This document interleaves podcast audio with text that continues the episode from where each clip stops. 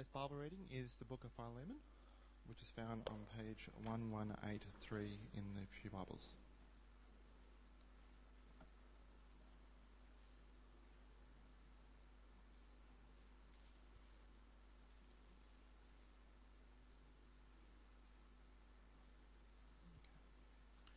Philemon starting from verse 1. Paul, a prisoner of Christ Jesus, and Timothy, our brother. To Philemon, our dear friend and fellow worker, to Apphia, a sister, to Archippus, our fellow soldier, and to the church that meets in your home. Grace to you and peace from God our Father and the Lord Jesus Christ. I always thank my God as I remember you in my prayers, because I hear about your faith in the Lord Jesus and your love for all the saints. I pray that you may be active in sharing your faith, so you may have a full understanding of every good thing we have in Christ. Your love has given me great joy and encouragement, because you, brother, have refreshed the hearts of the saints. Therefore, although in Christ I could be bold and order you, you to do what you ought to do, yet I appeal to you on the basis of love.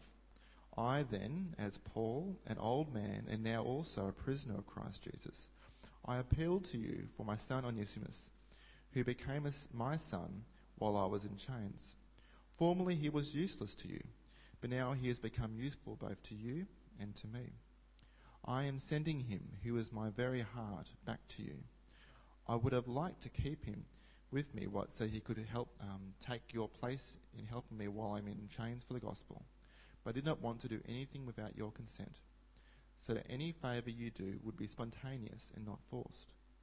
Perhaps the reason he was separated from you for a little while was that you might have him back for good, no longer as a slave, but better than a slave, as a dear brother. He is very dear to me, but even dearer to you, both as a man and as a brother in the Lord. So, if you consider me a partner, welcome him as you would welcome me. If he has done you any wrong or owes you anything, charge it to me. I, Paul, am writing this with my own hand. I will pay it back. Not to mention that you owe me your very self. I do wish, brother, that I may have some benefit from you in the Lord. Refresh my heart in Christ. Confident of your obedience, I write to you, knowing that you will do even more than I ask. And one more thing.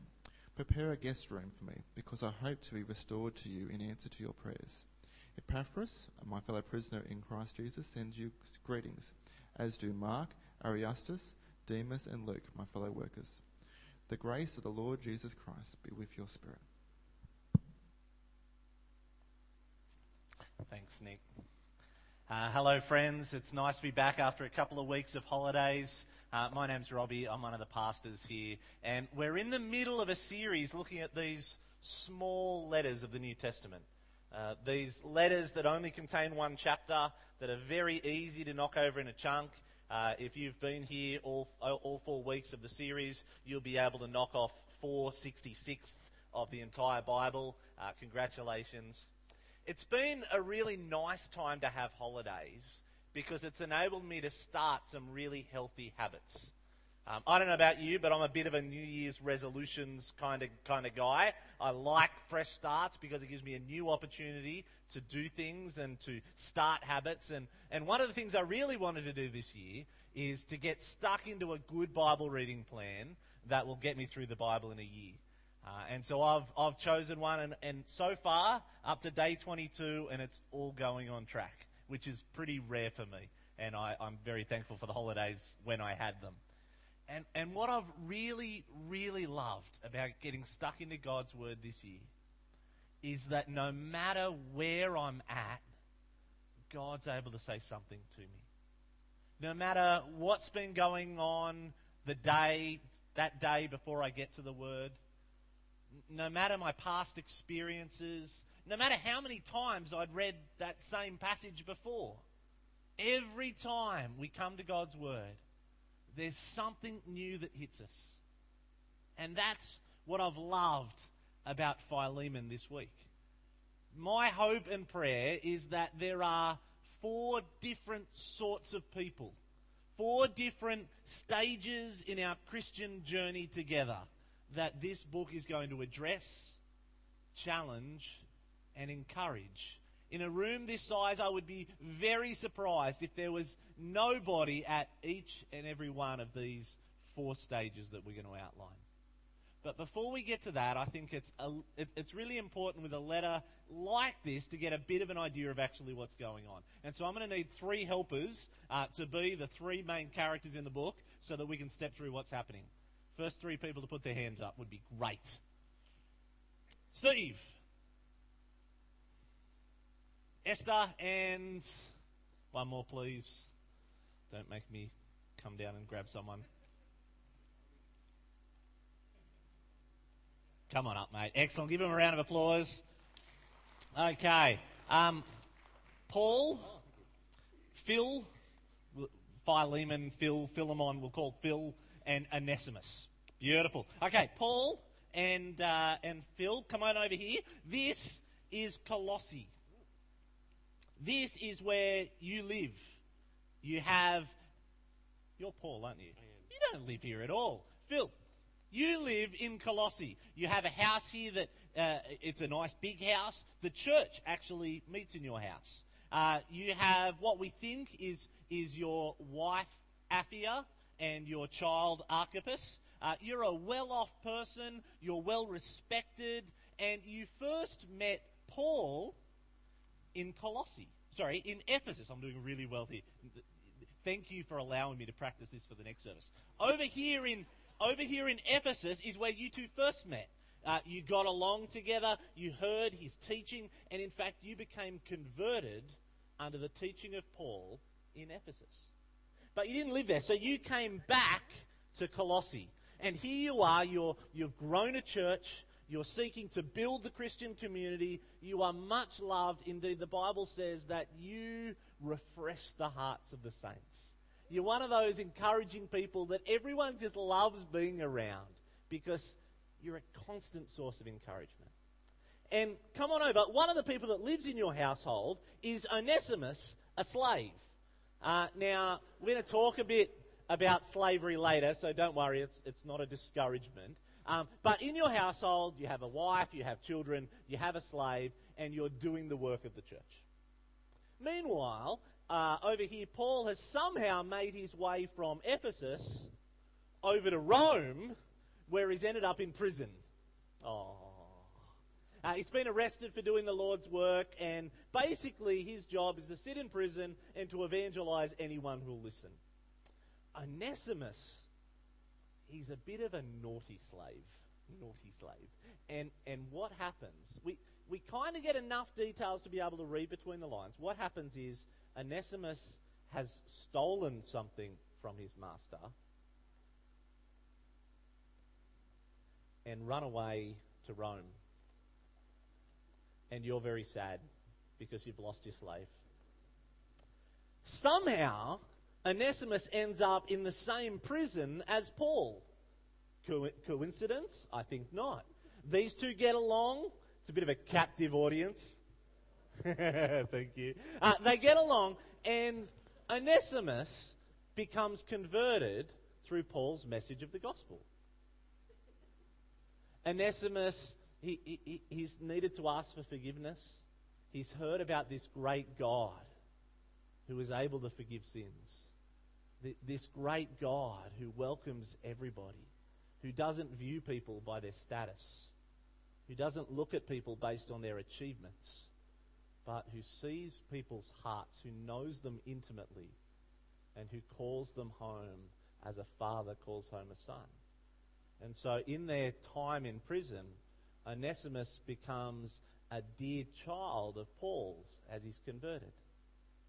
But of course, when you're sitting in prison, there's lots of things you can talk about. And so Paul asks, you know, how did you come to be here? And Onesimus goes, well, actually, I've been a bit naughty I was a slave and I stole something and I ran away. I was the slave of this guy called Philemon. And Paul goes, Wouldn't you know it? I know Philemon. We met back in Ephesus, and in fact, I was the one who converted him. And at that point, um, Onesimus is going, Oh, come on. I've run all the way to Rome. I'm converted. And the guy that converted me knows the guy that I've run away from. And so what happens is Paul decides to write a letter. The letter that we have in our Bibles called Philemon. I'm sure it was written that way back in the original. And he sends Onesimus with a couple of his trusted friends back to Philemon. Now, how would you imagine that Philemon is feeling at this stage? You've had a slave run away, taken something, owed a bunch of money, and now he's turning up, he's rocking up. Uh, we believe that he arrived in the middle of church, and so you guys are all watching. And this is a respected member of church. How is Philemon going to react? How would you react if somebody who has deeply hurt you came back with a letter from the great apostle Paul, the great friend, his own father in Christ? And the first time you're hearing this message is in front of church where it's read out in front of everybody. I want you to forgive me. In fact, Paul is saying he wants you to receive me not as a slave, but as if you were receiving my own self. How did you feel? um, guys, thank you very much. That was really helpful. Give him a round of applause. It is a deeply personal letter, but it is a deeply confrontational level, letter. It is a deeply personal and challenging letter. Basically, Paul spends a chapter, you, you could almost say, buttering up Philemon so that he might forgive this runaway slave and welcome him back not just as a slave, but as a brother in Christ. That's going to be really difficult. I began by saying I think there are four different stages of the Christian journey, and, and that, that many of us will be on perhaps multiple of those journeys.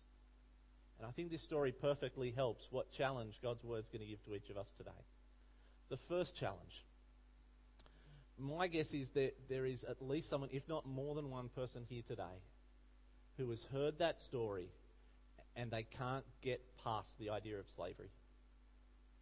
They hear this story, they, they, they hear of this God, and, and you might have read a, a bit of the Bible, and you see from letters like this, and from parts of the Old Testament and from parts of the New Testament, that the Bible seems certainly not to judge slavery, it, it almost seems to condone slavery. And there's probably people here who think, I just can't allow myself to get close to a God like that.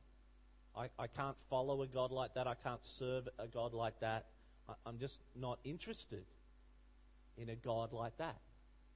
It, it might be you, it might be uh, your spouse, it, it might be your neighbor, someone you love dearly.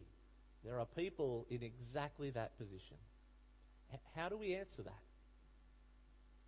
The first thing we need to realize is that slavery in the Old Testament and slavery, particularly in the New Testament, is completely and utterly different to the picture of slavery that we think of when we think of slavery today. When I personally think of slavery, I think of 19th century America where slaves are black African Americans who are kind of sent off in big ships to take sugar from one part of the world to the other, shackled up underneath, rowing the rowboats. I think of horrible atrocities. I think of the slave trade, and I think of people being treated as subhuman at best. Last night, when I asked people what, what they think when they picture slavery, and there were people who said they, they can't help but think of sex slavery, of women and children being sold even today into slavery, particularly throughout Asia. The pictures that we have of slavery are atrocious. And if the Bible in any way condoned that kind of behavior, I'd have the same sort of difficulties, I think. But this kind of slavery, friends, is very, very different. In fact, it is far more closer to our boss employee contracted arrangements kind of situation to the slavery that we imagine. There were many free people who would have loved to have been paid slaves so that they might know that they would have a meal on their table, that they might know that they would be treated well, that they might know that someone's looking out for them. In fact, the biggest contribution that Christianity, that the Bible made to, to, to the idea of slavery in, in the world back in the first century and beforehand were the clear commandments to, for masters not to treat their slaves badly. There was a, a hugely positive influence that Christianity, Christianity had on the slavery of that day, and ultimately it would be Christians like William Wilberforce who would lead to the end of slavery in the times that I think of. The seeds were planted in letters like this in Philemon. You see, Paul wasn't about to overthrow the establishment. But the seeds he would plant are ultimately that we're all slaves. We're all slaves to someone or something. Paul had far less to say about coming out of slavery and far more to say about leaving a life of slavery to sin and becoming servants, exact same word is slaves of Christ. Friends, if, if slavery is a big issue for you, or, or if there's anything in the Bible, if there's anything in the Christian life that is this stumbling block for you, a, a, belief block, it's something that's getting in the way of you searching out the truth, of you investing more, of you giving your whole heart, then, friends, please, for the sake of love, talk to someone about it. Be open to discussion. Be willing to hear differences of opinions.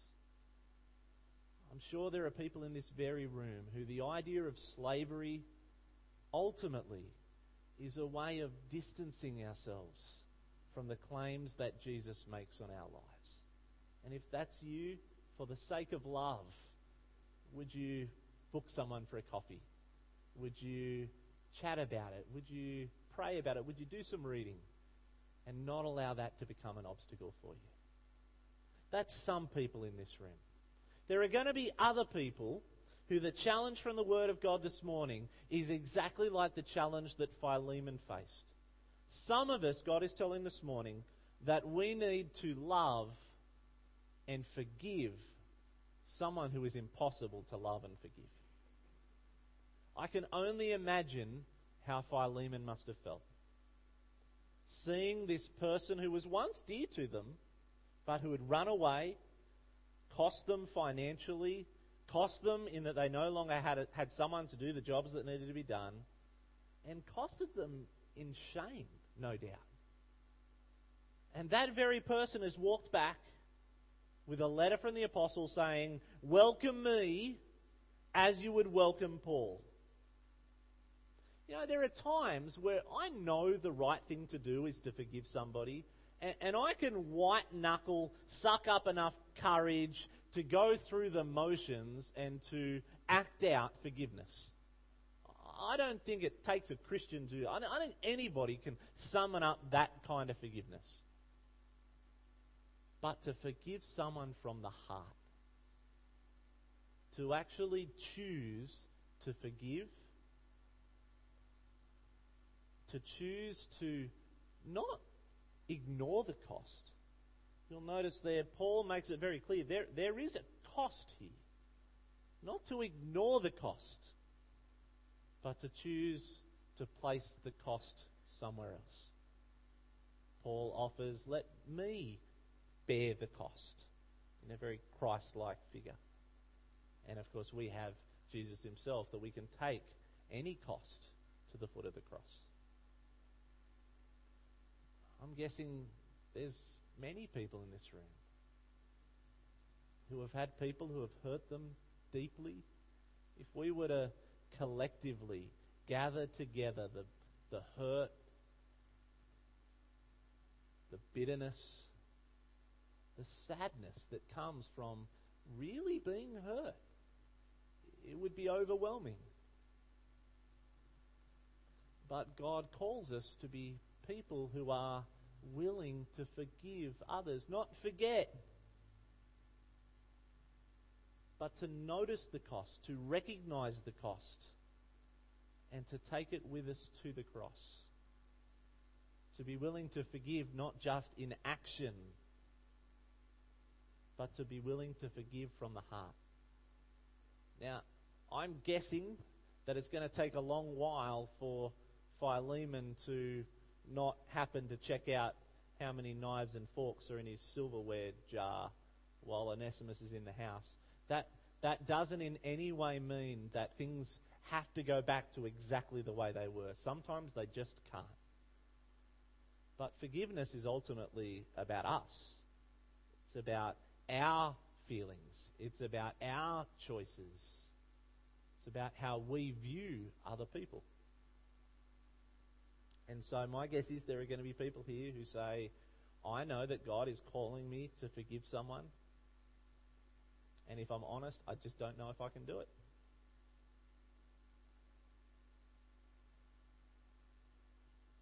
We spend so much time justifying the fact that we've been hurt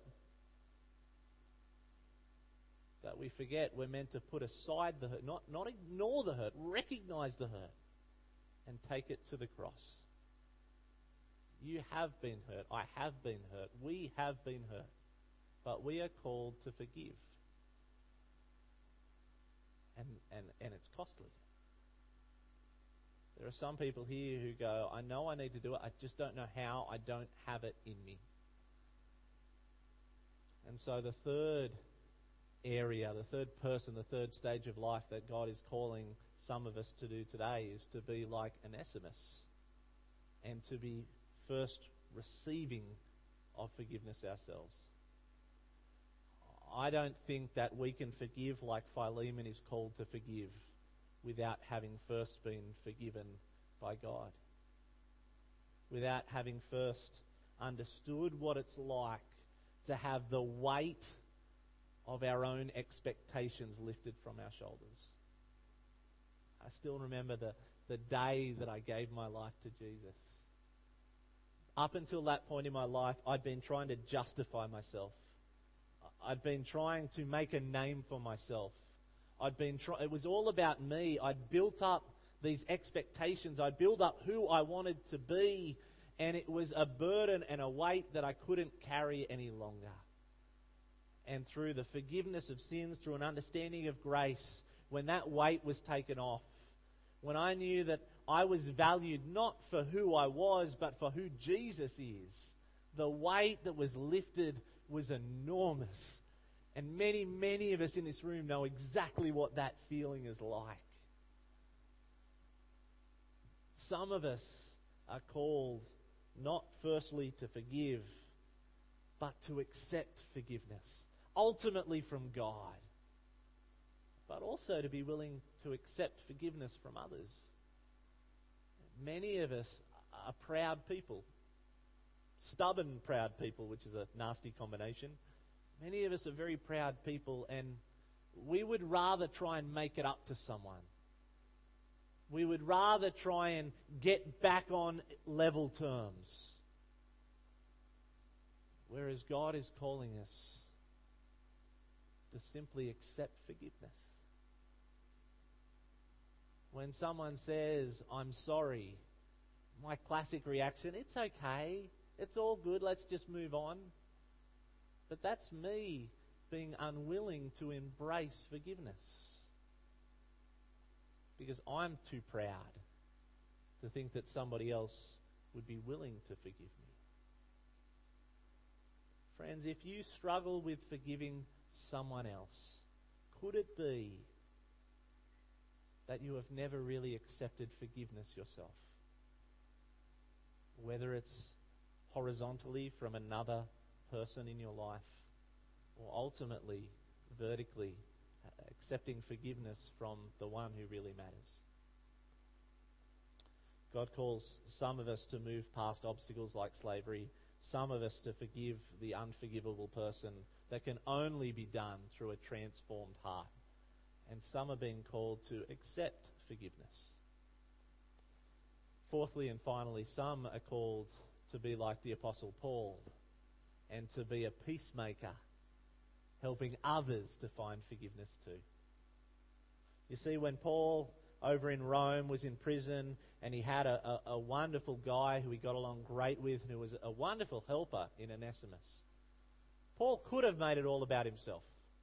He could have kept Onesimus, and no doubt life would have been so much better for him. But no, he, he, he counted himself less. He counted others greater than himself, and so he sent Onesimus back. He wanted there to be peacemaking. He wanted there to be forgiveness. And he was willing to count the cost himself. Did you notice that? If there's any debt, charge it to my account. Does that sound familiar? He is being the Jesus character in this story. Because that's exactly what Jesus says to us. Yes, you've been hurt. Yes, there's a debt that you owe. Let me pay your debt. Is God calling you to actually decline something that might be great for you because it's going to be better for someone else? Is God calling you to have a kingdom focus, to be able to see the bigger picture,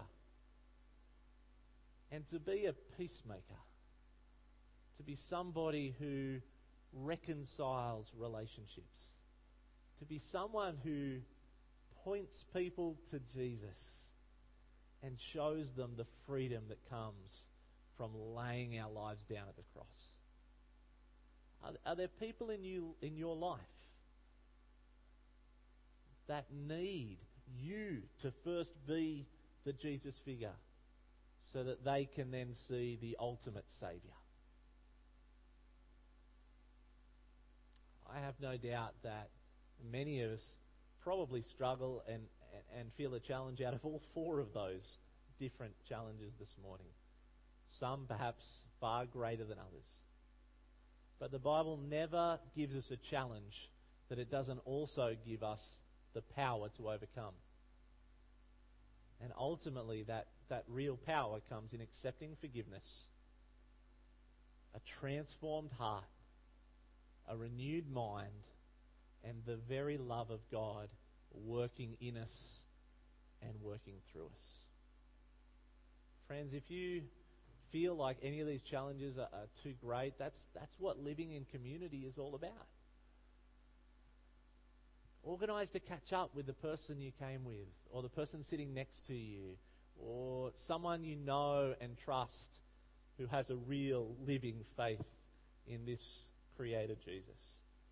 Don't sit with it. Don't pretend like you're the only person who's, who's possibly struggling in this area. Friends, let's be real together. Let's keep fighting together. Let's keep praying together. And let's keep forgiving together. Let's pray. Heavenly Father, we thank you for this, this tiny letter that packs a powerful punch. When we talk about forgiveness, it's such a sensitive subject, such a difficult subject. It's something that's really hard to do. We can't do it on our own. We are all, ultimately, we're all pretty selfish and stubborn and proud. And so, Father, we need you to work in us. Father, would you first drive us to accept forgiveness? Would you then see that as forgiven people, we can't not forgive others? And would you help us to be peacemakers, pointing others to Jesus so that they too can feel the freedom that comes not from escaping slavery, but from laying our burden down at the cross? We pray this all in Jesus' mighty name.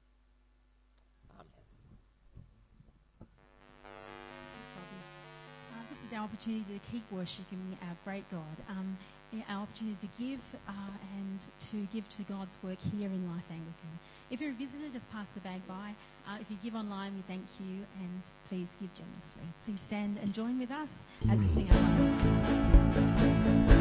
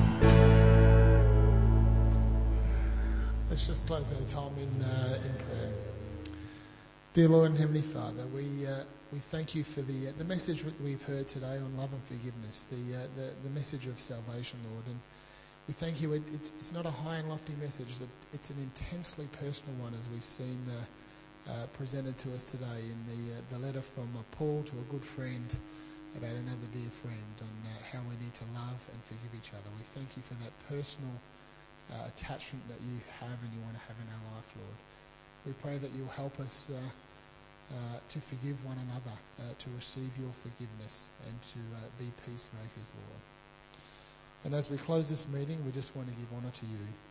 Uh, we want to thank you, God, for the time that we've had here today, your love and for your forgiveness. May you bless each one of us here um, and uh, with your hand of protection this week. And just let the work that's been done here be for your glory, Lord. In Jesus' name, amen. Um, that concludes the service, but uh, that doesn't finish the time of fellowship here. Uh, we love to connect with the community and everybody here, so uh, there is a time of uh, morning tea fellowship out in the foyer. Uh, if you're visitors, please hang around. We want to connect with you and get to know you well, and if you're regular, we want to get to know you even better. So thank you.